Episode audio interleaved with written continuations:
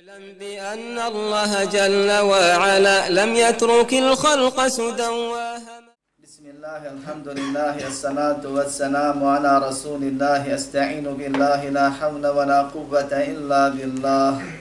اللهم لا سهل إلا ما جعلته سهلا وأنت تجعل الحزن إذا شئت سهلا. اللهم أرنا الحق حقا وارزقنا اتباعه وأرنا الباطل باطلا وارزقنا اجتنابه ولا تجعل الحق ملتبسا علينا فنضل. اللهم آت نفوسنا تقواها وزكها أنت خير من زكاها أنت وليها ومولاها برحمتك يا أرحم الراحمين. ربنا لا تزغ قلوبنا بعد إذ هديتنا وهب لنا من لدنك رحمة إنك أنت الوهاب. اللهم اجعلنا هداة مهتدين غير ضالين ولا مضلين. اللهم إنا نعوذ بك من مضلات الفتن ما ظهر منها وما بطن. اللهم إنا نسألك الإخلاص في القول والعمل. اللهم توفنا مسلمين وأنت راض عنا وألحقنا بالصالحين. اللهم يسر ولا تعسر. اللهم بارك وتمن بالخير. لا إله إلا الله ولا حول ولا قوة إلا بالله العزيز الحكيم أما بعد sva hvala i zahvala pripadaju samo Allahu savršenom gospodaru svih svjetova. Samo Allaha subhanahu wa ta'ala hvalimo zbog svega jer je On u svakom smislu potpun, savršen, bez mahane, manjkavosti, sa stvorenima sličnosti. Samo Allahu subhanahu wa ta'ala i nikom više se njemu zahvalimo, ama baš na svemu jer savršeni ne griješi, pa šta god nam da ili uskrati, naredi ili zabrani, tako je jedino ispravno. Od njeg pomoć, oprosti, tražimo, koga Allah uputi napravi putom, nema zablude. Ako ga Allah subhanahu wa ta'ala u zabludu ostavi pravedno, tome nema ni pomagača ni upućivača. Zato sebi spasa u Allahovom zadovoljstvu tražimo kad srcem, jezikom i dijelima sve dok živimo svjedočimo da nema drugog Boga sam Allaha jedini i nema sudruga i da je Muhammed sallallahu aleyhi ve sellem Allahov rob najbolji i njegov poslanik posljednji. I Allahu subhanahu wa ta'ala se umiljavamo i približavamo tako što svjedočimo da su ashabi Allahova poslanika najbolji ljudi koji su hodili zemljom, najbolja stvarina nakon poslanika i vjerovjesnika, najbolja generacija ili je tako Muhammed sallallahu alaihi wa sallam opisao jedini na generacija koja je uzor i primjer ostalim vjernicima do sudnjega dana, pa ko hoće pravi put, na njih neka se ugleda, ko hoće spas, neka se okoristi od njih, ko hoće uspjeh i Allahu zadovoljstvo na ovom, na ovom svijetu, neka vjeruje, radi i ponaša se onako kako su oni radili. A zatim došli smo do četvrtog predavanja u okviru dijela koji se tiče vjerovanja ehli sunnata val džemaata po pitanju ashaba Allahova poslanika Muhammeda sallallahu alaihi wa sallam nakon što smo naučili ko su ashabi, kakve su naše obaveze prema njima, kako je njihov pravo kod nas, kakav je njihov stepen kod Allaha subhanahu wa ta'ala, kakvi su među njima odnosi. Nakon što smo slušali o ehlu bejtu, o poslanikovoj sallallahu alaihi wa sallam porodici i o nevikovim ženama, ono što je Allah htio da kažemo, a o tome se puno više može reći, inšala da ovo dovoljno jer nas zanima akideski aspekt, naš odnos prema njima da bi nam vjerovanje bilo ispravno. Došli smo do onog posljednjeg dijela. Koji?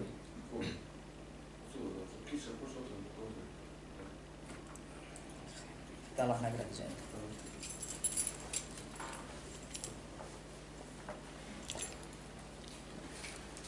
Došli smo do posljednjeg dijela, a taj dio se tiče našeg odnosa prema njihovim greškama, grijesima, nesporazumima, svađama, fitnama,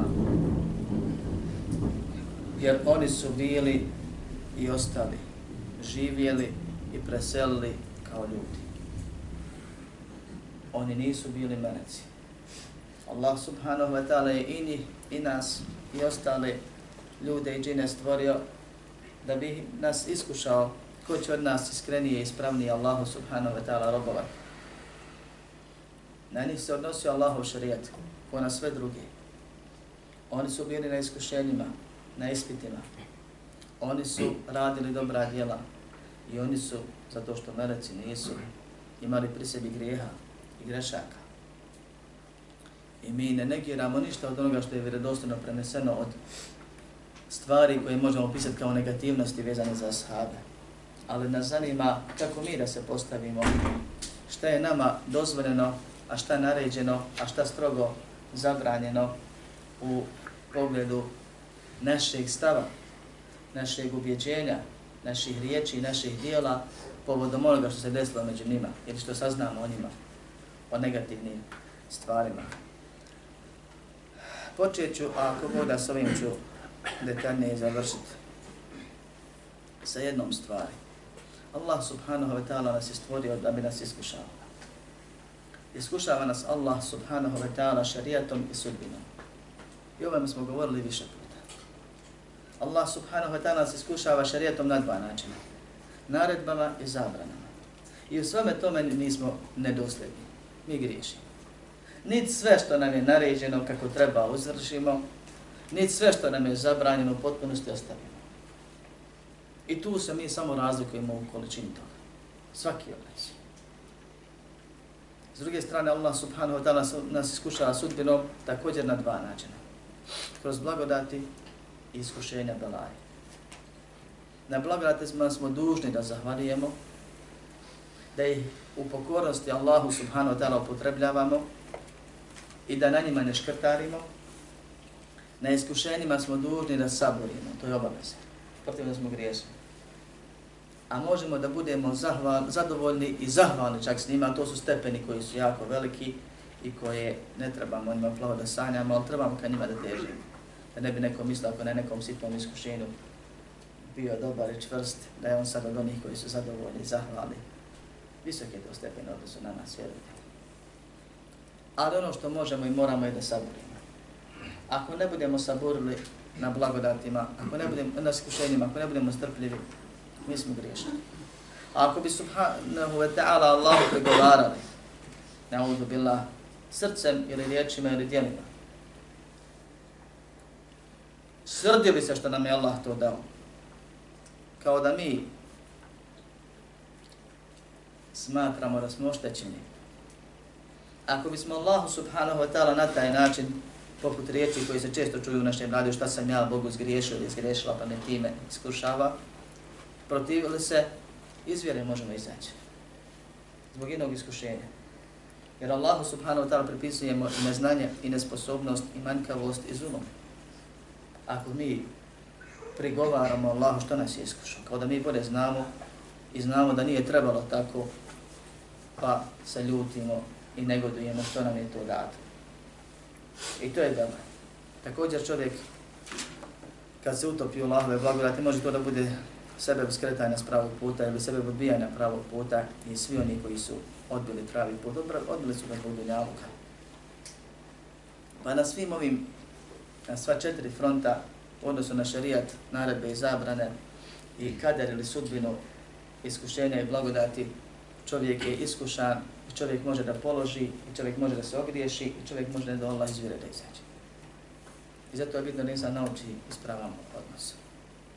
I u svim ovim stvarima, u svim ovim iskušenjima, ama baš svi ljudi, ne u pojedinačnim detaljima, nego u grupi iskušenja koja se zove blagodati, i grupi iskušenja koja se zove musibati, i grupi iskušenja koja se zove naredbe, i grupi iskušenja koja se zove zabrane, u svim ovim stvarima niko nije sve upotpunio od ljudi. Imaju potpuni i imaju nepotpuni. Muhammed sallallahu aleyhi ve sellem odradio svoj, on je primjer, on je poslanik, a njegovi slednici se trudi. Koliko ko dobar cilj. Allahom vodom uzmo.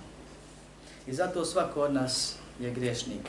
Samo je pitanje koliko i koliki u odnosu na drugi. I svako od nas je potreban Allahova subhanahu wa ta'ala oprosta. I svako od nas je potreban Allahova milosti. I Allah subhanahu wa ta'ala je ar-Rahman ar-Rahim pored drugih osobina koji također ukazuju na milost.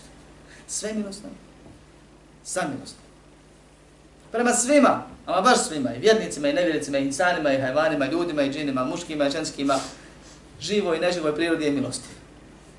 Posebno prema vjernicima na ovom i na onom svijetu spušta posebnu vrstu milosti tako što nadahnjuje na pravi put i nadahnjuje činjenje dobra i nadahnjuje na pokajanje i prašta grijehe na dunjalku i oprostit će na ahiretu i spasit će od džehennema ili će privremeno kaznit neke kojima ne htjedne milosti biti, ali će kasnije vjernike uvesti u kuću njegove milosti u kojoj će vječno uživati.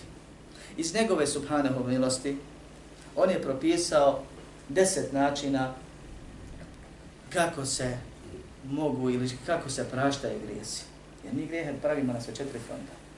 I puno više griješimo nego što smo svjesni što stano. Odiješ i klanjaš i ne klanjaš kako treba. I nisi potpuni. I uradiš neke prekršaje. A da ne govorim kad ideš u grije, kad si svjestan. Ili kad radiš nešto misleći da nije ni za tebe ni protiv tebe, a pritom si napravio greha ili grešaka krupnih koje kasnije vode ka grijesima, pa ako nisi vidio sad, vidjet ćeš kasnije ili na sudjem dan će se pokazati koliko si propusta ili stvari protiv sebe uradio. Allah subhanahu wa ta'ala svim ljudima i svim džinima, vjernicima koji islam prime, propisao deset načina za vrištanje grija. Ili najmanje deset, ili deset vrsta brisača, da se tako izrazi. A najpreći za te stvari su oni koji su najbolji. Pa ćemo o tom ako Bog da na kraju. I šeheh Islam je ovdje spomenuo te stvari kroz ovo što govori. Nakon što je spomenuo našu obavezu vezanu za ljubav, poštivanje, pomaganje, branjenje Ehlul Bejta, uključujući supruge Muhammeda sallallahu aleyhi ve sallam majke vjernika, kaže sljedeće, وَيُمْسِكُونَ عَمَّا شَجَرَ بَيْنَ inna hadhihi al-athar الْأَنْثَارَ الْمَرْوِيَّ fi مَسَاوِهِ minha ma huwa كَدِبُ minha ma qazida aw nuqis aw غُيِّرْ an وَجِهِ Kaže, i suzdržavaju se šute to je jezikom jer ne mute u sebi srcem i ne slijede to dijelima To znači suzdržavati se. Svim onim čime se insan može pokrenuti. Srcem ispravno vjeruju, ispravno misle, dobro, lijepo. Jezikom se ne miješaju i dijelima također. U što, šta, gdje, kako? Amma šeđara bejna sahaba. Suzdržavaju se po pitanju onoga što se desilo među ashabima. Koristi riječ šeđar što ukazuje na, na sukob, na nesporazum i tome slične stvari. Dakle, ne o svega što se desilo od dobrih stvari, nego mi pričamo o sahabima i ugledamo se na njih, nego od one, onim množnim stvarima, pogotovo koji se tiču njihovog međusobnog odnosa. Prije svega se ovdje misli na bitke koje su vođene među njima nakon ubistva Osmana radijallahu anhu,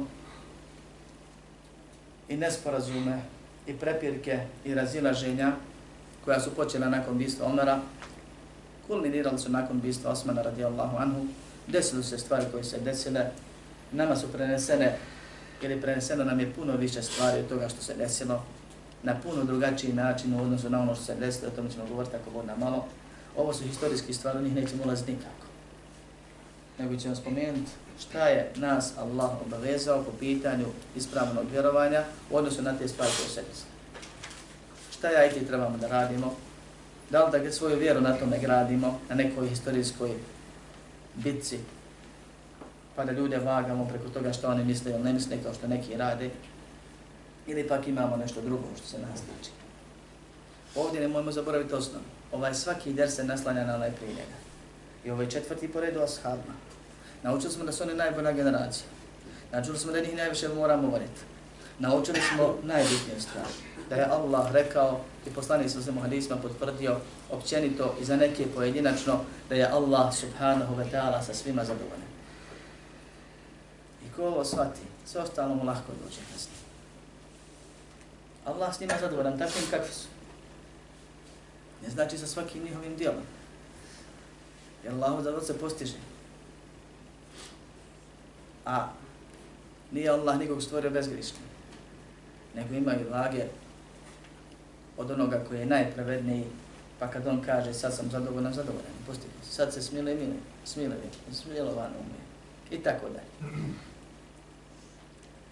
Najbitnija stvar koju ne smemo zaboraviti kad god mislimo o bilo kojim ashabu ili o njima ili o grupi, bilo o nekim sukobljenim stranama ili općenito ovako nekim pohvaljenim ili manje pohvaljenim skupinama, moramo da znamo da je Allah subhanahu wa ta'ala zadovoljna sa svima. I zato, kaže, mi se suzdržavamo od onoga što se desilo. Ne ulazimo u to ko je u pravu, ko je u krivu. Osim onim stvarima gdje je jasno što gdje imamo pravo da mislimo. To su detalje samo krup, krupnije stvari, gdje, su, gdje, gdje se desi još govorit ćemo o tom nakon I to kad kažemo da je neko u pravu, ne kažemo da je drugi u zabludi. Nego kad se dvojica raziđu po pitanju boje zida, je li bijel, ili je prljavo bijel, ili je žut, ili je siv, ili četvorca, petorca, koliko ima, taj zid ima svoju jednu boju. I samo je jedan u pravu. A svako je u pravu sa svoje tačke gledišta. On ima nekakve argumente zbog čega misli da je to tako. I da nije onako kao što drugi misli. Međutim, možemo imati četiri ili pet mišljenja po pitanju boje zida ili bilo čega drugoga. Najprostija stvar, kako ti gledaš, tako ti izgleda. Međutim, u okviru tih razilaženja, e, tog razilaženja ili tih skupina koji se razišle ili pojedinaca, samo jedan je u pravu. Ali ako jedan u pravu, ne znači da je drugi nužno krivo ili u grijehu. I sto posto, nego i on ima svoje neko viđenje. Kad ovo kažemo, tamo gdje je dozvoljeno imati svoje viđenje. Gdje se može neka stvar razumjeti na više načina. A ne tamo gdje je jasno propisano i presuđeno strane gospodara svih svjetova. I to će nam trebati kasnije, pa je ovaj uvod bitan. Kaže, suzdržavaju se od toga što se desilo među njima, dakle od pojedinačnih razilaženja među njima, i od grupnih razilaženja među njima, i od svađa koje se desilo među njima, i od bitki koje se desile među njima. Krvoprolića koji se desilo među njima. Ne petljamo se u to nikako. I to je najispravniji put. Ne negiramo da se desilo. Bili bilo je. Nije nam drago što se desilo, niti možemo promijeniti, jer kad se nešto desi, onda znamo da je suđeno. Da nije trebalo, ne bi Allah ni dao. I zaista je Allah neke iskušao preko toga da su skroz vjeru. Neke je iskušao preko toga da su položili iskušenje pa su vjeru sačuvali. I osnažili i učvrstili se. Neki su se utješili u pogledu svojih nedostataka, sjetivši se da su ashabi imali nekakve greške, grijehe, nesporazume, pa je to bilo sebe da ostanu na pravom putu, da se ne razočaraju totalno, pa ne, ne kažu nema od mene ništa. I, i tako dalje. Allah ima mudrosti na jedno u onome što on određuje i što daje da se desi i što stvara. Tako da neke možemo skontati, neke ne možemo, ali vjerujemo da što se desilo, desi se moralo i tako je trebalo da bude. Ne samo moralo, no nije Allah ništa izmaklo kontrole na udobje. Nego je Allah htio da se desi, da je dopustio, ne znači da voli tu stvar. I mi, nije nam drago sa šarijetskog aspekta što se nešto desilo od grijeha, grešaka, stvari koje nisu u skladu, ali kad su se desile, znamo da su se desile. Međutim, hoćemo se mi sad baviti time, jer svako naše ulaženje u nesporazum između dvojice nužno vodi ka sudu među njima. Mora to biti sud u sudnici, nego ti ima svoje stave odmah poslušao se dvije strane i već se tebi stvorilo mišljenje, nagio s jednom. To je normalno. Shodno količine znanja, objektivnosti, novim stvarima, upućenosti u detale, u činjenično stanje i tako dalje, ti možeš da budeš bliži istini ili dalje. Ali ti si sud formirao, čim se čuo dvije strane. Ljudi formiraju sud kad čuju jednu stranu, to nam je strogo zabranjeno, kamo li dvije. I zato, čim se ti miješaš u nešto, istražuješ nešto, nužno će da vez do suda. I taj sud će u tvojim očima da digne jednoga, a spusti drugoga. Kad bi to bilo među dvojicom običnih ljudi, ako nisi obavezan, nije ti dozvoljeno da se petljaš u to, da se miješaš u to, jer će voditi nužno kao loše mišljenje o jednom dvojicu. A kad je upitan onima koji s kojima je Allah već objavio da je zadovoljan, ima li kakvog smisla? istraživati ko je više, ko manje u pravu. Ima li kakve koristi? Iz ovakve stvari, kad pričaš o nečijem grijehu i kad negativno govoriš o nekome, kažu učenjaci, možeš izaći i biti u jednoj od dvije, od moguće tri stvari, nikako ne možeš potrefiti treću. Šta se ovdje hoće reći? Čovjek kad nešto radi, može biti na dobitku, može biti na gubitku, ili može ostati u sredini, kad nešto radiš. Međutim, kad ja čujem da je neko nešto uradio, ili hoću da pričam i da se ja umiješam i objasnim sebi ili drugima, je li on bio u pravu ili nije u pravu, je li on to uradio, nije to uradio. Ja mogu pogoditi i neću se ni malo koristiti. Dakle, mogu ostati no, normalan. Koji prije? I mogu pogriješiti, pa se ogriješiti. I u minusu biti. Nikako ne mogu biti na dobitku. To je općenito. Pogotovo ovdje. Zato Ulema ima izreku jednu. Kad ne bi ništa zapamtili, osim to bilo bi nam dobro. Kažu, Allah je zaštitio naše oružje od učešća u toj bitci. Ili tim bitkama. Nismo morali, nismo bili tu da se mi moramo zauzeti stranu. Na nama je samo da zaštitimo, kaže, iz prsa, to je srca i jezike, da se mi miješamo sad nakon stoljeća i stoljeća. Ni zato mi se suzdržavamo, ne miješamo se ovdje uopšte. Ne zanima nas. Kad ne pročitao do kraja života što se desilo, kad ne bi znao da se desilo, nisi niš, nikakvom, nekakvom gobitku. Nisi ništa izgubio. Tvoje vjera ide li ispravno. A ako budeš loše mislio o sahabima, bit ćeš pitan, nisam bio pravo nisi. I šta, gdje te to donalo? Pa ćeš uglavnom biti na gubitku ili možda na normali nekoj od koje nemaš koristi. Da se nisi miješao isto. I to je razlog zbog čega Ehli Sunnet van Džemaat ne dozvoljava uplitanje u ove stvari, nego kažu sljedeće. Ove predaje koje se prenosi, uglavnom su to historijske predaje, nisu bilježene u vjerodostojnim zbirkama, osim ono što treba što se tiče akide ili fika i tako dalje. Zašto? Zato što su oni prvi znali da od tog nema, znanja nema koristi. Ja to muslimanima ne treba da bi se sabiralo, nego su bili zabilježene u historijskim zbirkama prepričavanjima, narodnim kazivanjima. A mi ovdje sada napravimo eksperiment, pokus ili ogled, ko smo radili više puta, da jednu malo dužu priču šapnemo na uho jednom, pa da on šapne sljedećem, deset ljudi u lancu. Vidjeli biste da bi izašla promijenjena na kraju.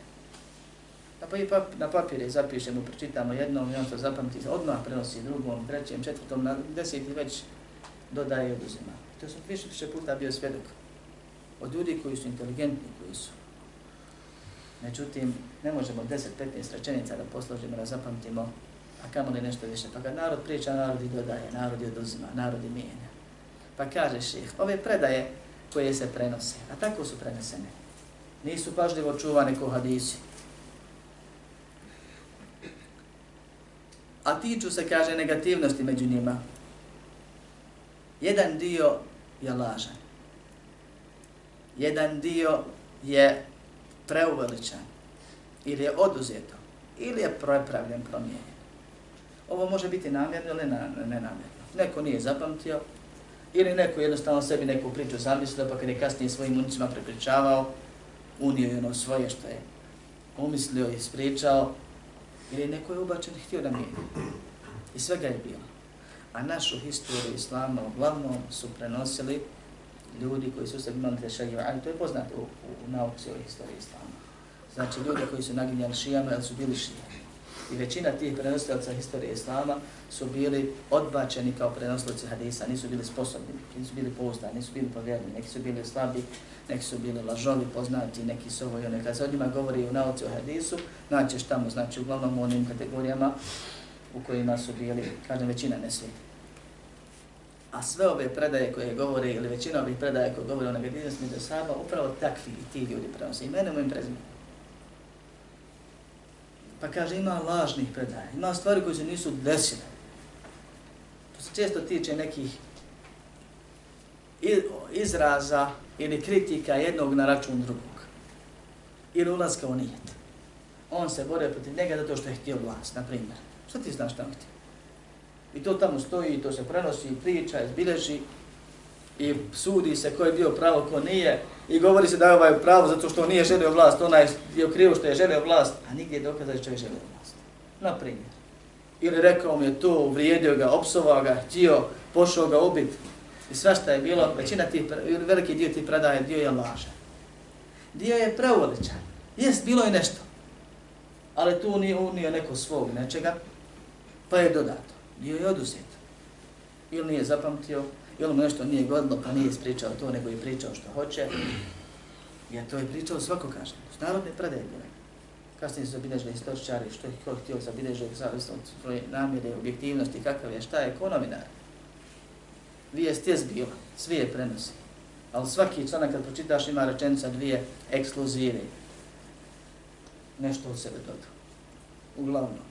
Rijetko je ko šta išće preko našo tamo neku vijest da ukrasi, da kaže, nego malo nešto, hajde, nek ne bude isto. Ko tuči. I zato ima stvari koje su, kaže, dodate i promijenjene. Sve ove stvari. Neki smatrali su ovo tri kategorije vijesti, neki da jedna. Ovo se sve mora odnositi. Samo vjerujemo da je bio taj događaj neki, ako je bio. Jer ne mogu pristupiti i ne mogu suditi i ne mogu formirati stav o nečemu za što znam da je ili malo dorađeno, ili malo više dorađeno, ili totalno izmišljeno. Tako da je taj dio se odbacuje. Ne trebamo se svakako miješati i uplitati jer ne znamo je li se desilo i ako se desilo da se zaista tako desilo ili drugačije. Da li je bilo više ili je bilo manje. Kaže, a što se tiče onoga što je vjerodostojno, što je ispravno preneseno, to se dijeli na dvije ili tri kategorije. Većina onoga što se desilo među njima od smutnih, koji su doveli čak do bitki, rezultat je ičtihada. Šta je ičtihad?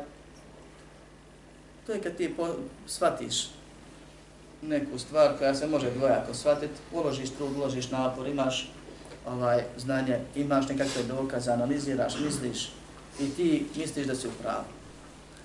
Kako znaš da je to ištihad? Zato što ima još neko koji isti te argumente gleda, a formira drugačiji stav. Znači nije nešto gdje je direktno Allah rekao tako i mi moramo svi povjerovati. Nego je neki ajet, hadis, neki slučaj, ili neki događaj, neki propis, neki odnos prema nekome. Imamo niz ajeta i hadisa, pa je neko rekao treba ovako na osnovu dokaza, a drugi je rekao treba onako na osnovu dokaza i na kraju se ti dvojica različili. Složili se u nečemu, a različili se u nečemu. To je štihad. I za taj štihad u vjerodostanim hadisima je došlo da kad insan ištihadi pokuša da dođe do istine, uloži napor u shvatanju dokaza, izvlačenju propisa i tako dalje, onaj ko ima pravo na to naravno, ako pogodi, kaže poslanik sa ima dva sevapa, duplu nagradu, ako promaši ima sevap. Ne grije, sevap.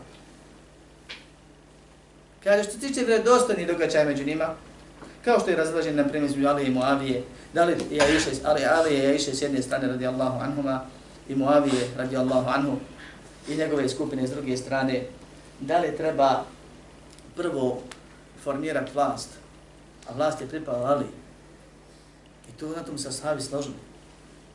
Samo da li je treba prvo formirati, pa onda izvršiti presudu, hvatat i likvidirati ubice Osmana radi Allahu anhu, Ili Muavija direktno ima pravo, ne već bio emir, imao već znači, bio namjesnik, imao pokrajinu čitavo pod vlasti, a njemu pripada ta, pravo na tu krvnu osvetu po kuranskom ajetu. Jer je bio najbliži jak i moćni rod.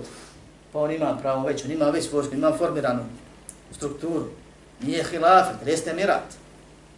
Pa je on smatrao i zbog toga je nastao razilaženje, nered, pa i rat kasnije. Jer su neki se ubacili pa iskoristili tu stvar, papirali mržnju, pa su čak su skupine, došle, skupine došle, kao što i nekim predajama, da vide šta i kako, čak su i počeli da pucaju s obje strane i onda je to zakuhalo. To je jedna od verzija koja se prenosi. Bilo kako bilo, razišli su se oko toga, ne da li Alija pripad, pra, ima pravo na hilafet, nego da li treba prvo formirati hilafet što je ispravnije. Jer od glave se kreće i samo prava struktura, potpuna država ima pravo da izvršava državne šarijeske kazne. Ili je dovoljno to što on ima tu svoju strukturu, pa da se može, kaže, ovaj, da treba prvo riješiti taj nesporazum, pa onda sjest i dati prisegu Ali. Mnogi mi mislimo i govori se kod nas i uči se kod nas i podučava se, širi se kod nas da je Muavija htio on vlast i da on nije htio dati prisegu u osnovi nije htio vlast. Kasnije se dešavala dešavanja druga koja se vodila ka drugim stvarima, ali u osnovi bilo je pitanje samo trebalo formirati prvo vlast pa onda izvršiti. Jer je nastao nered, ubijen je halifa. Znaju se ubice. Imaju pravila u šarijatu kako se vrši krvna osveta. Ne onako divlje, ja tebi, ti meni, ko što rade neka plemena i, i nacije, nego znači po pravilima šarijata da islamska država jedina ima pravo na izvršavanje šarijatskih kazni i tako dalje, a da ima pravo rođak da halali ili da uzme krvarinu ili da te zahtjeva krv za krv, glavu za glavu i tako dalje, preko države, preko suda, ne samo lično. I zato oko toga je nastalo veliko jedno razilaženje i tu možemo reći, pošto je stvari štihatske prirode, složni su oko principa, različni su se oko kakvoće njihovog sprovođenja, možemo reći ko je bliži istini, ko dalje. Pa ispravno, to nije tašaju, a to nije šizam, ko što neki će reći, ispravno i na to ima, zato ima puno dokaza da je Alijina skupina bila bliža istini, da su u pravu. Ali to ne znači da je Moavija bio u grijehu uopšte. A kamo li u zabludi, kamo li ga treba proklinjati, odrzati se ko što rade ši. Nego je bio, pr... jedni i drugi su ištihadili, jedni i drugi su zahtjevali, ubijeđeni bili da su na istini. Čak i onda kad su ratovali jedni s drugima, znali su da je to privremeno, plakali su zbog ono što se dešava, danju bi pucali, noću bi plakali. I nisu jedne drugi porobljavali, su znali da svi drugi muslimani, klanjali se na obje strane i svaki od njih je mislio da je ono pravo. To je ištihad, kad misliš da su pravo. I niko od njih nije mislio da je u krivu i znao da je u krivu, samo insistirao, eto ne bi pobjedio, pa na nametne krivdu, a ne pravdu. Niko se od njih nije borio protiv pravde. Prema tome, kaže, ispravno je onome što, su, što je vjerodostojno jedna od dvije stvari. Prvo je štihad, a drugo grije. O grijehu će kasnije govoriti. Ja sam grije, da je neko počinio neki grije. Je li to čudno? Jeste tako se priča o melicima. A pošto priča o ljudima, nije ni malo praću moja čudno. I oni su bili ljudi i zato je moguće, govorit ćemo o tom ako boda malo kasnije, kaže što se tiče ištihada, tu imaju dvije grupe. Jedni u pravu pa imaju duplu nagradu, jedni su u krivu, pogrešno razumijeli, nisu bili 100% u pravu, imaju zato seva. I sad ti dođeš i kritikuješ čovjeka što ima jedan, a nema dva sevapa. I mrziš čovjeka, ko što neki rade, što ima jedan, a ne dva sevapa ti mrziš i proklinješ onoga ko njega ne mrzi, zato što ima sevap. E tu nema ni vjere ni I zato nam nije dozvoljeno se u tom mješa. Ovim stvarima se može, ko bude imao ovaj, šta protiv, nek iznese argumente, posle drsa ćemo pričati detaljno. Znači, ovaj, ako misli neko da ovo nije objedljivo, imamo i puno više, ali nije ovo naučno predavanje, nego samo podučavanje naroda onome što je obavezno po, po ovom pitanju. وهم مع ذلك لا يعتقدون أن كل واحد من الصحابة من الصحابة معصوب عن كبائر الإثم وسغائره. Pored svega toga, nakon ištihada šeh prelazi na grijehe i kaže oni, to jest ehli sunnet van džemana, pored svega toga, pored toga što odbacuju lažne ili nesigurne predaje, i što za one sigurne, ako su ištihadske, imaju lijepo mišljenje, jer neko je pogodio, pa ima dva duplu nagradu, neko je promašio, pa ima manju nagradu. Kaže, pored toga, oni ne smatraju da je svaki pojedinac među sahabima bezgriješan ili zaštićen, siguran, od velikih ili malih grija. Bel je džuzu anehimu dhunubu fil džumle. Nego općenito, moguće je da oni pogriješi. Griješili su oni općenito, kaže ših. Iako ove reči općenito se razila za lema, da li smijemo uopšte pričati o pojedin, grijecima pojedinaca, ili ne smijemo, ispravno da smijemo onako kako su preneseni bez uplitanja, bez čuđenja, kako on mogu učiniti taj grije. A ti činiš puno više nego on. Šta se čudiš? Insan bio, to je dobro. Nego oni kao skupina i kao pojedina svaki među njima, moguće je da, uči, da, moguće je da učini grije. Ali nije dozvoljeno tebi da kažeš, a možda jest učinio, za ono što, zašto nemaš dokaz. Ono nije melek, možda jest bludnik. Čekaj. Bili to bio, bili bio zadovoljan sa sobom s tako prema te postave? Sa svojom suprugom, sa svojom čerkom, sinom. Da se kaže, dobro, jest on, kaže, vratio se vjeri, jest on pobožan sad, ali možda i radi to i to šta mi znamo. To je, to je sumnje su grije, to je zabranjeno. Nego ono što je vredostojno preneseno, prema tome imamo odnos koji je kasnije spomenut, ako Bog da, ali kaže ono što nije čtihad jeste grije. I mi ne negiramo da su ashabi mogli počiniti grijehe. I ne negiramo da su neki od ashaba činili male grijehe, odnosno svi, i da su neki od ashaba činili velike grijehe. I te grijehe ne govorimo da su ištihad, ne govorimo da su seba, kažemo da su grijes.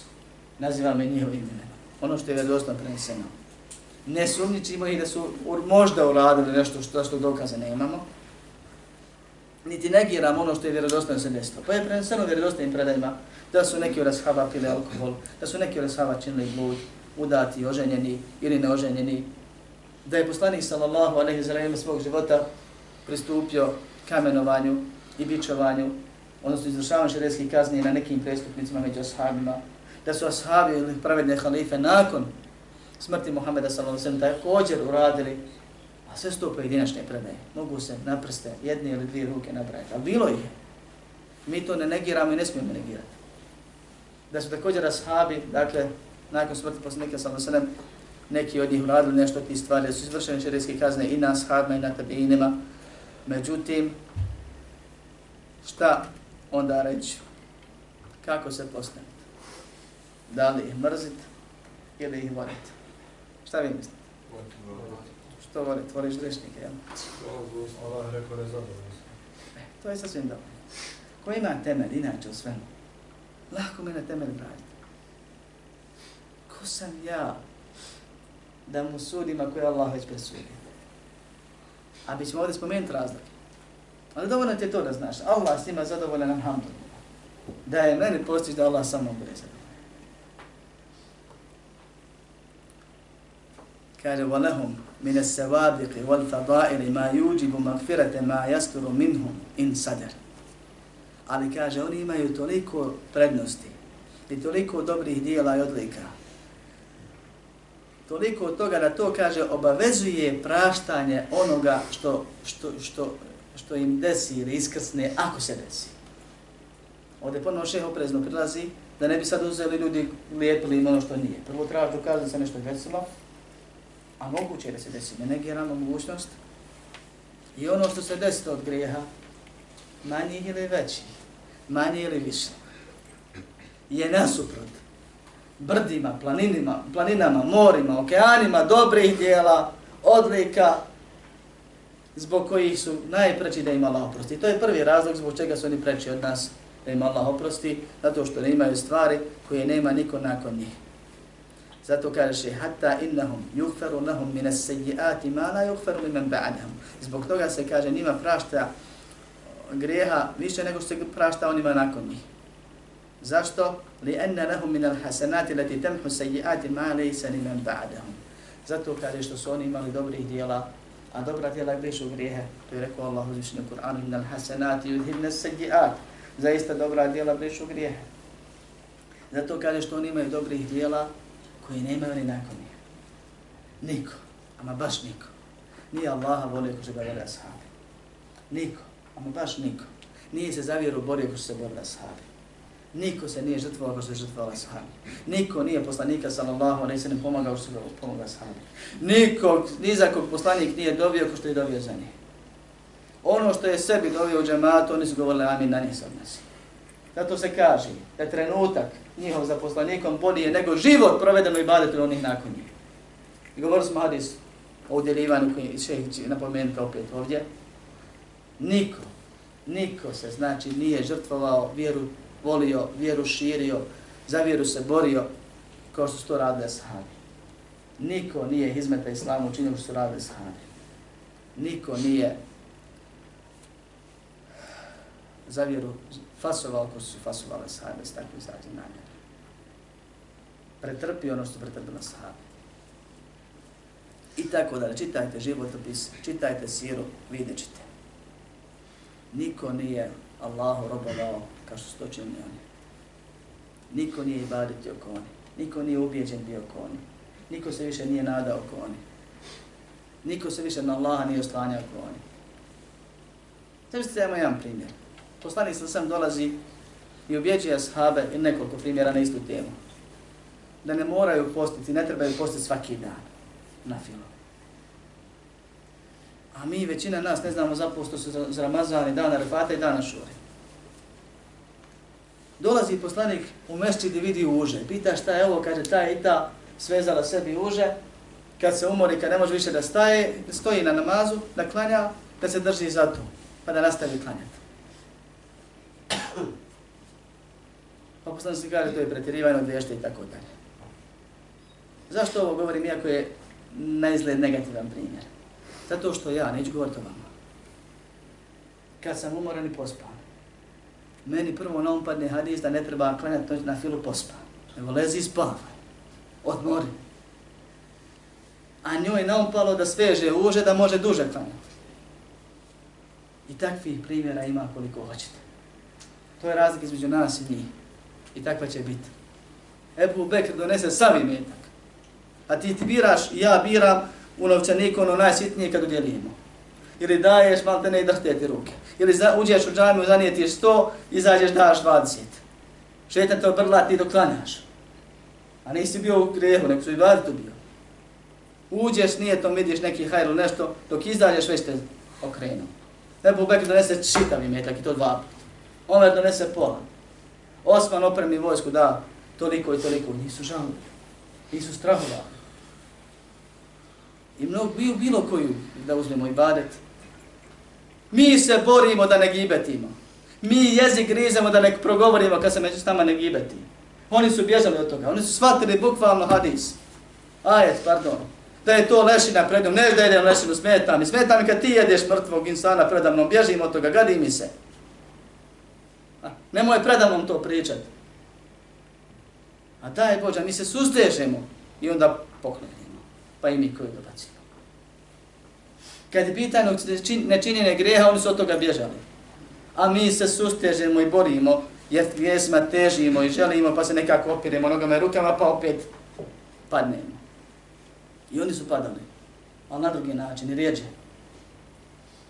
Kad je pitanje činjenje dobra također, tražili su načina da povećaju, a mi tražimo opravdanje da smanjimo. To se posebno vidi kroz pitanja koja nam dolaze, nama dajama, kad su pitanje neke stvari, jel mora baš ovo, jel mora baš ovo, jel može ovako, jel može onako. A i sam sebe znam, ne trebam nikog govoriti. Tako da su oni imali dobrih dijela, a dobra dijela brišu grijehe, koja su neuporediva sa našim dobrim dijelima. I odnos prema grijesima koji je neuporediv sa našim odnosom i malu količinu grijeha koja je neuporediva sa našim morima i tajnima grijeha koja stalno činimo, a život je još pred nama ako Allah da, pa se bojimo da to baš previše ne bude, da baš puno ne nakupimo. Kaže, وقد ثبت بقول رسول الله صلى الله عليه وسلم انهم خير القرون Poslanik sallallahu alejhi ve sellem je kao što je vjerodostojno hadisu rekao da su oni najbolja generacija. Pa su najbolji i najpreči za oprost, to je drugi razlog. Također je kaže preneseno da šaka ili pregršt, kao što smo govorili, pregršt ili nesif, nismo pola, šaka njihova, i to oni prvi ashab, odnosno na one kasniji, je bolja nego brdo uhod zlata ili bilo čega drugoga kad udjeli ovi nakon njih. Koliko je tek bolja pregršt njihova odnosno na mene i na tebe. I ti ja ćemo sad im sudimo, jesu, hoće li im se oprostiti ili neće, jesu trebali, nisu, šta ćemo, o, šta ćemo s njima uraditi, to i to. Brini se o sebi. Treća stvar, ili sljedeća stvar, kaže, kad su ili ako su počinili grije, možda su se od njeg pokajali. A takvi vjernici znaju preći da brži budu u pokajanju bi nego oni nakon njih. Ili nego ja. Zamisli sebe. I koliko vučeš grije, i koliko se boriš, i koliko se opereš. A pokajanje i preziranje sebe zbog grijeha i grijeha kojih se čini, Odlučivanje, odluka da nećeš nikad više se tome vratiti. Pa ako šetan prevari, moguće da se i sam poklekne ponovno, ali to je pokajanje. Ostavio se Allaha radi.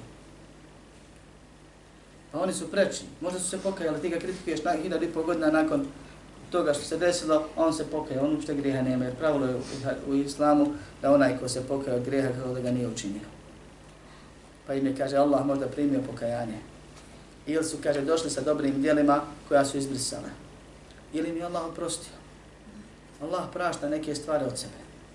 I mi to svi znamo kad o svojim grijesima razmišljamo. I mi se baš svi nadamo da će nam Allah oprostiti. i ono što radimo.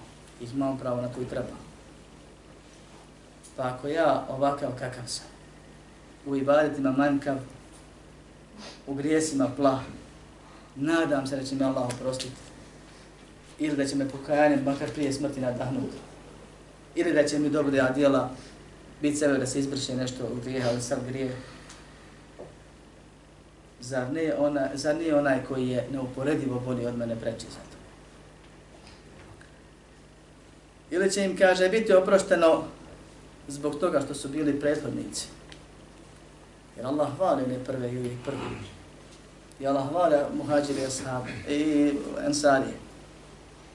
I onaj koji je prvi uradio neko hajr i iznio neki teret, ima nagradu svi oni koji dolaze nakon njega.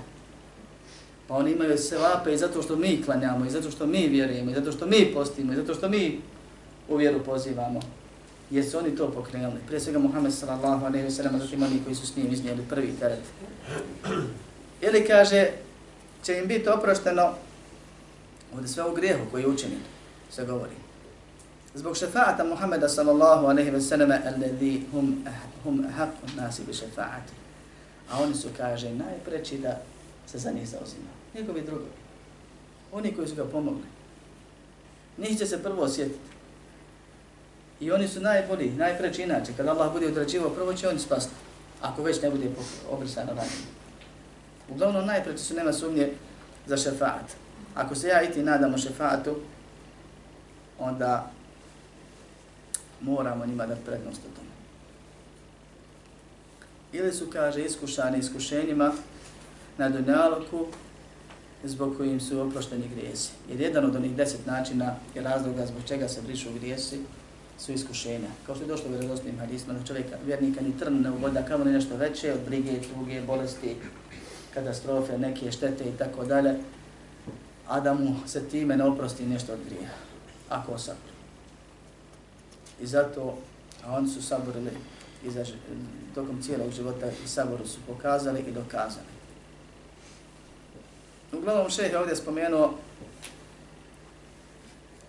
jednu grupu ili niz razloga zbog čega su oni preči da im se oprosti. Zbog toga što su prvi, što su najbolji, što su imali najbolja djela, što su imali najviše dobrih dijela, a dobra dijela brišu grijehe, što su najpreći za šefaat, što su najpreći za teobu, pa su se vjerovatno pokajala. Pa Pomislim da se ja pokajao, onda moram vjerovati da se on pokajao. Što su ovaj iskušavani tokom svog života i strahom, i najmaštinom, i bolestju, i žrtvovali se za vjeru i ostalim stvarima, pa su ovaj pa su oni najpreći da vjerujemo da im je oprošteno ono što čujemo i saznamo od grijeha koji sigurno činili. I zato, kad je poslanik sallallahu alaihi wa sallam bićovao sahaba koji je popio alkohol, pa Khalid ibn Walid kaže nešto u smislu proklije da je koliko puta to čini, koliko puta ga bićujemo. Pa kaže poslanik sallallahu alaihi wa sallam pomagati šeitana protiv svoga brata. On zaista voli Allaha i poslanika. Kaže jedan ših, volio bih da sam na njegovom mjestu. Tog ashaba što je pio haram. Jer ja nemam garanciju da volim Allaha i poslanika. Ja se nadam, mislim. A on ima garanciju. Kad je ona žena počinila blud, pa kad su je kamenovali, sama došla tražila da se očisti. A to je jedan razlog koji komentatori spominju, nije šeho gdje spomenuo, da su oni bili preči za te obu i preči su bili, hrlili su iz tome ako ima neka kazna, gdje da se izvrši, da se očisti. Dolazili bi poslanike, u sam govorili, očisti me. Nije on tražio, lovio pokućama kad čini gre, to je zabranjeno, to nije od islama. Nek su dolazili i govorili, očisti me, uradio sam to i to. Pa kada je žena ashabika počinila blud i tražila da je se kamenuje i kada je se kamenovalo, kaže poslanik sallallahu alejhi ve selleme pokajala se tolikim pokajanjem kad bi se podijelio na svakog stanovnika Medine bilo bi dovoljno svakom pojedinačno. Takvim Allah grijehe u sevape pretvara ko što je došlo sudi Furkan. Znači ima da nađe svoj grijeh na vajak dobrih dijela, ne da ga nema nikako. Zbog jačine i pokajanja. I to imaju pravila posebno vezano sa ovo, ali to su primjeri kad se insan može nadati tamo se grije u dobro djelo upiše. I onda dođe neko i kaže takvi, takvi, najgori, na ovo i ono i traži sebi opravdanja ili njih kritikuje i omalovažava, umanjuje im vrijednost zato što su bili ljudi. Kaže šeh, ako je ovakvo stanje po pitanju stvarnih grijeha, kako je tek po pitanju onih stvari u kojima su bili muštehidi, istihadili, shvatali, ako kaže pogodi imaju dvije nagrade, ako promaše imaju jednu nagradu, a grijeh im se svakako da promaša i prašta. Ko što je pravilo kod onih koji ištihadi na osnovu hadisa u Buhari. Zatim šeh kaže sljedeću stvar. ثم إن القدر الذي ينكر من فعل بعضهم قليل نزل مغفور إلى مغمور كشتو fi džembi fadail il qawmi wa mahasinihim. Zatim kaže ono što im se prigovara, zbog čega što se prenosi od njihovih grijeha, što im se može zamjeriti teoretski, je kaže veoma malo. I to je oprošteno nasuprot moru dobrih dijela koje imaju i odlika, ili kaže to se utopi, imaju dvije versije štampuje kod ne, ovi koji su prenosili od šeha, Mahfudul Magmur zbog tih pravopise i ostali stvari nije bilo jasno, pa oba isto znači na kraju dolazi, a to je to je ništa. To se izgubi u moru pozitivnih osobina, dijela, stvari, odlika koje su oni pri sebi imali. Prenosi se da je ta i ta uradio to i to i možda je rekao to i to, ona je tamo uradio to i to i tako dalje. Također onim fitnama koje su se desile među njima. Ashaba je bilo najmanje. Jer nisu samo ashabi živili na zemlji. Većina stanovnika su bili, ili veliki dio stanovnika su bili tabini. Ashabi su se u odnosu na te nesporazume podijelili na tri skupine. Svi su podržali Aliju da je preći za hilafet. Ali oko tog detalja bilo je grupa sa Muavijom, da li treba prvo izvršiti presudu i većina sahaba bila sa Alijom. To je jedna podjela. Druga podjela je bila po pitanju miješanja u sukobe. Većina sahaba je bila predvođena Abdullah ibn Omerom, radijallahu anhu, anhuma, koji su ostali u Medini na svojim mjestima i nisu učestvovali, nisu se pojavljivali na tim mjestima uopšte. Imali su svoj stav, ovaj je u pravu, ali nisu htjeli uzeti oružje da brani tu. Pa se prenosi da je bilo 30 kasaba ili manje ili više koji su učestvovali u tome. Da su većinom bili tabini. A govori se ashabi ratovali, ashabi ovo, ashabi ono. Toga njih je bilo malo u tim stvarima. Većina je bila suzdržana, ne ideološki, imali su stav. I u tom stavu su neki pogodili, neki promašili. Ali učešto sa tim ko je zakuhao u tim stvarima, niko od njih nije krenuo da, da ratuje. I to je poznato. Uglavnom su to bili su, susreti radi pregovora koji su završavali sukobima. Iz strane ili munafika ili, ili nekih drugih ili ovako ili onako kao što se pred, spominje i tumači na razne načine. Prvo, u tim belajima ashaba je bilo malo. Drugo, u ličnim njihovim grijesima koji se vjerodostojno prenosi, bilo ih je vrlo malo. Treće, imaju milion razloga i pozitivnosti u odnosu na to malo negativnosti. Pa kaže, to je veoma malo u odnosu na ono što oni imaju. Odkaže vjerovanje u Allaha i njegova poslanika, borbe na Allahom putu, hijđre, pomaganja vjere, korisnog znanja raznih dobrih dijela. Spomenuo smo nešto toga. I zato kaže šeheh na kraju, ومن نظر في سيرة القوم بعلم وبصيرة وما من الله عليهم به من الفضائل علم يقينا أنهم خير الخلق بعد الأنبياء لا كان ولا يكون مثلهم وأنهم الصفة من قرون هذه الأمة التي هي خير الأمم وأكرمها على الله Poko pogleda, kaže životopist njihov znanjem, besirom, pronitljivosti. Znači, pogledaš bez nekakvih predrasuda. Objektivno sagledaš.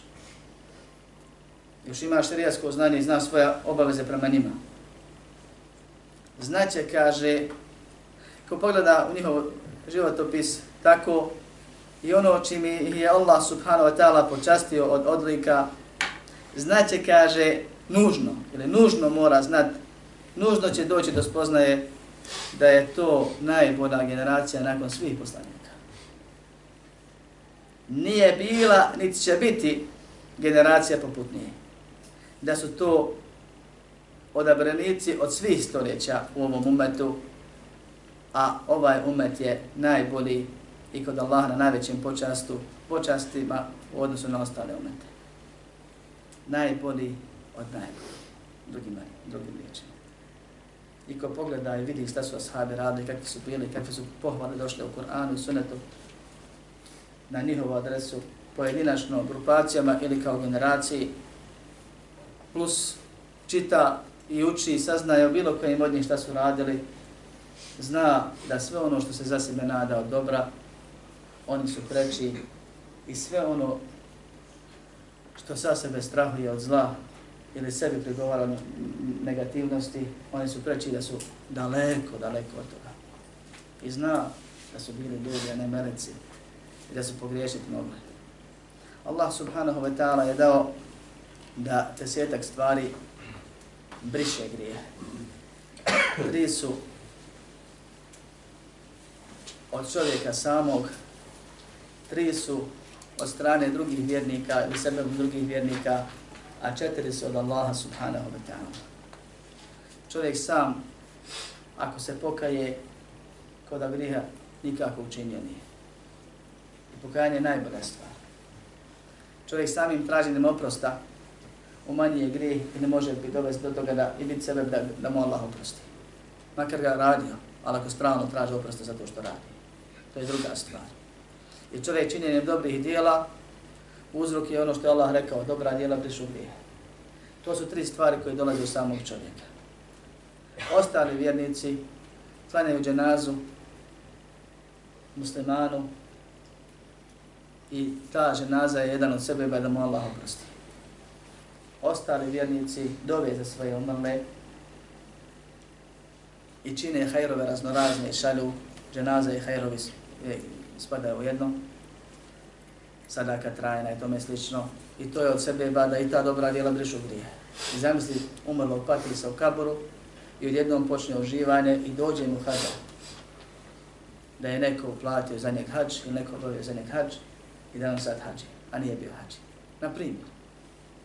I tako dalje. Dakle, činjenje dobrih dijela od dženaze pa nadalje, zatim dova za njih nakon smrti, i traženje oprosta za njih, to je posebna stvar koja je najbitnija da se radi, jer upravo ono što im najviše treba je oprost od grijeha. Ponijeli su se se vapa što su ponijeli, to im je dovoljno za dženeta, ali je bitno da im se grije se oproste. Pa najbolje što insan može raditi za je da je traži oprosta za njih. To su tri stvari koje drugi robovi ili vjernici mogu da uzrokuju vjerniku da mu se oprosti. To je ukupno šest. Allah subhanahu wa ta'ala također od sebe uzrokuje neke od stvari koje su čišćene. Prvo je iskušenja ili belaje.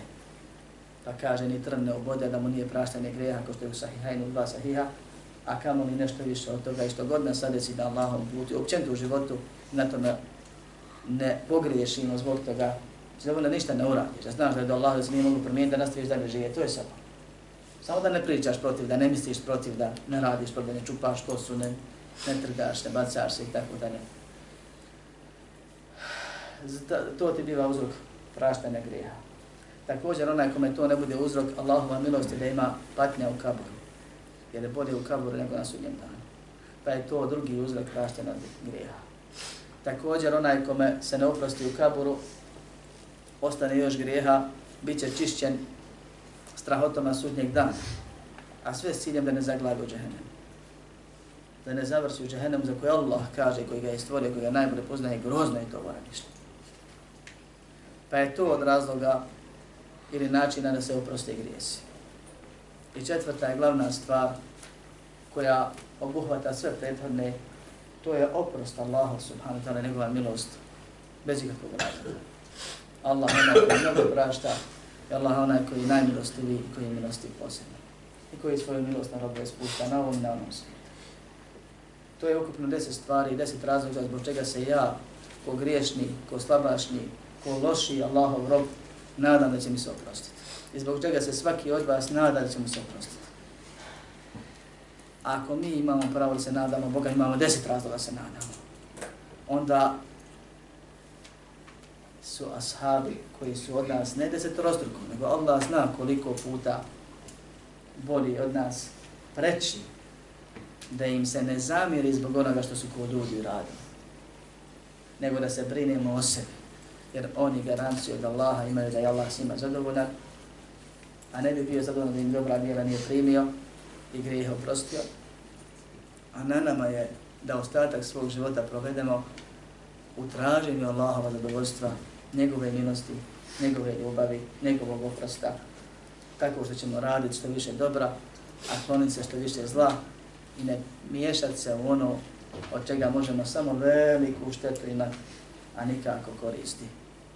Kao što su ovi deša, ova dešavanja koja se desila među ashabima kao najboljoj generacijom.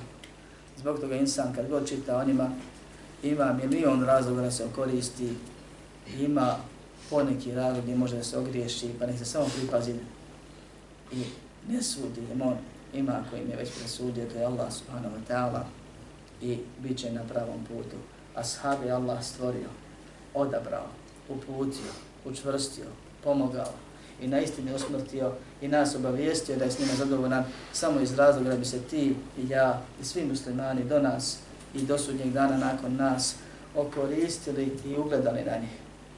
Oni su primjerna generacija i zato su takvi kakvi su. I zato je Allah dao među njima i grijehe, da i mi, ako učimo grije, znamo što trebamo raditi, onako kako su oni radili, a ne da i mi trebamo suditi. Mnoge sekte su po ovom pitanju nastale, podjela umetu i dan danas traju ratovi razno zbog ovoga vode, zbog toga što su se dvije grupe svadile, pa pokuškale i pomirile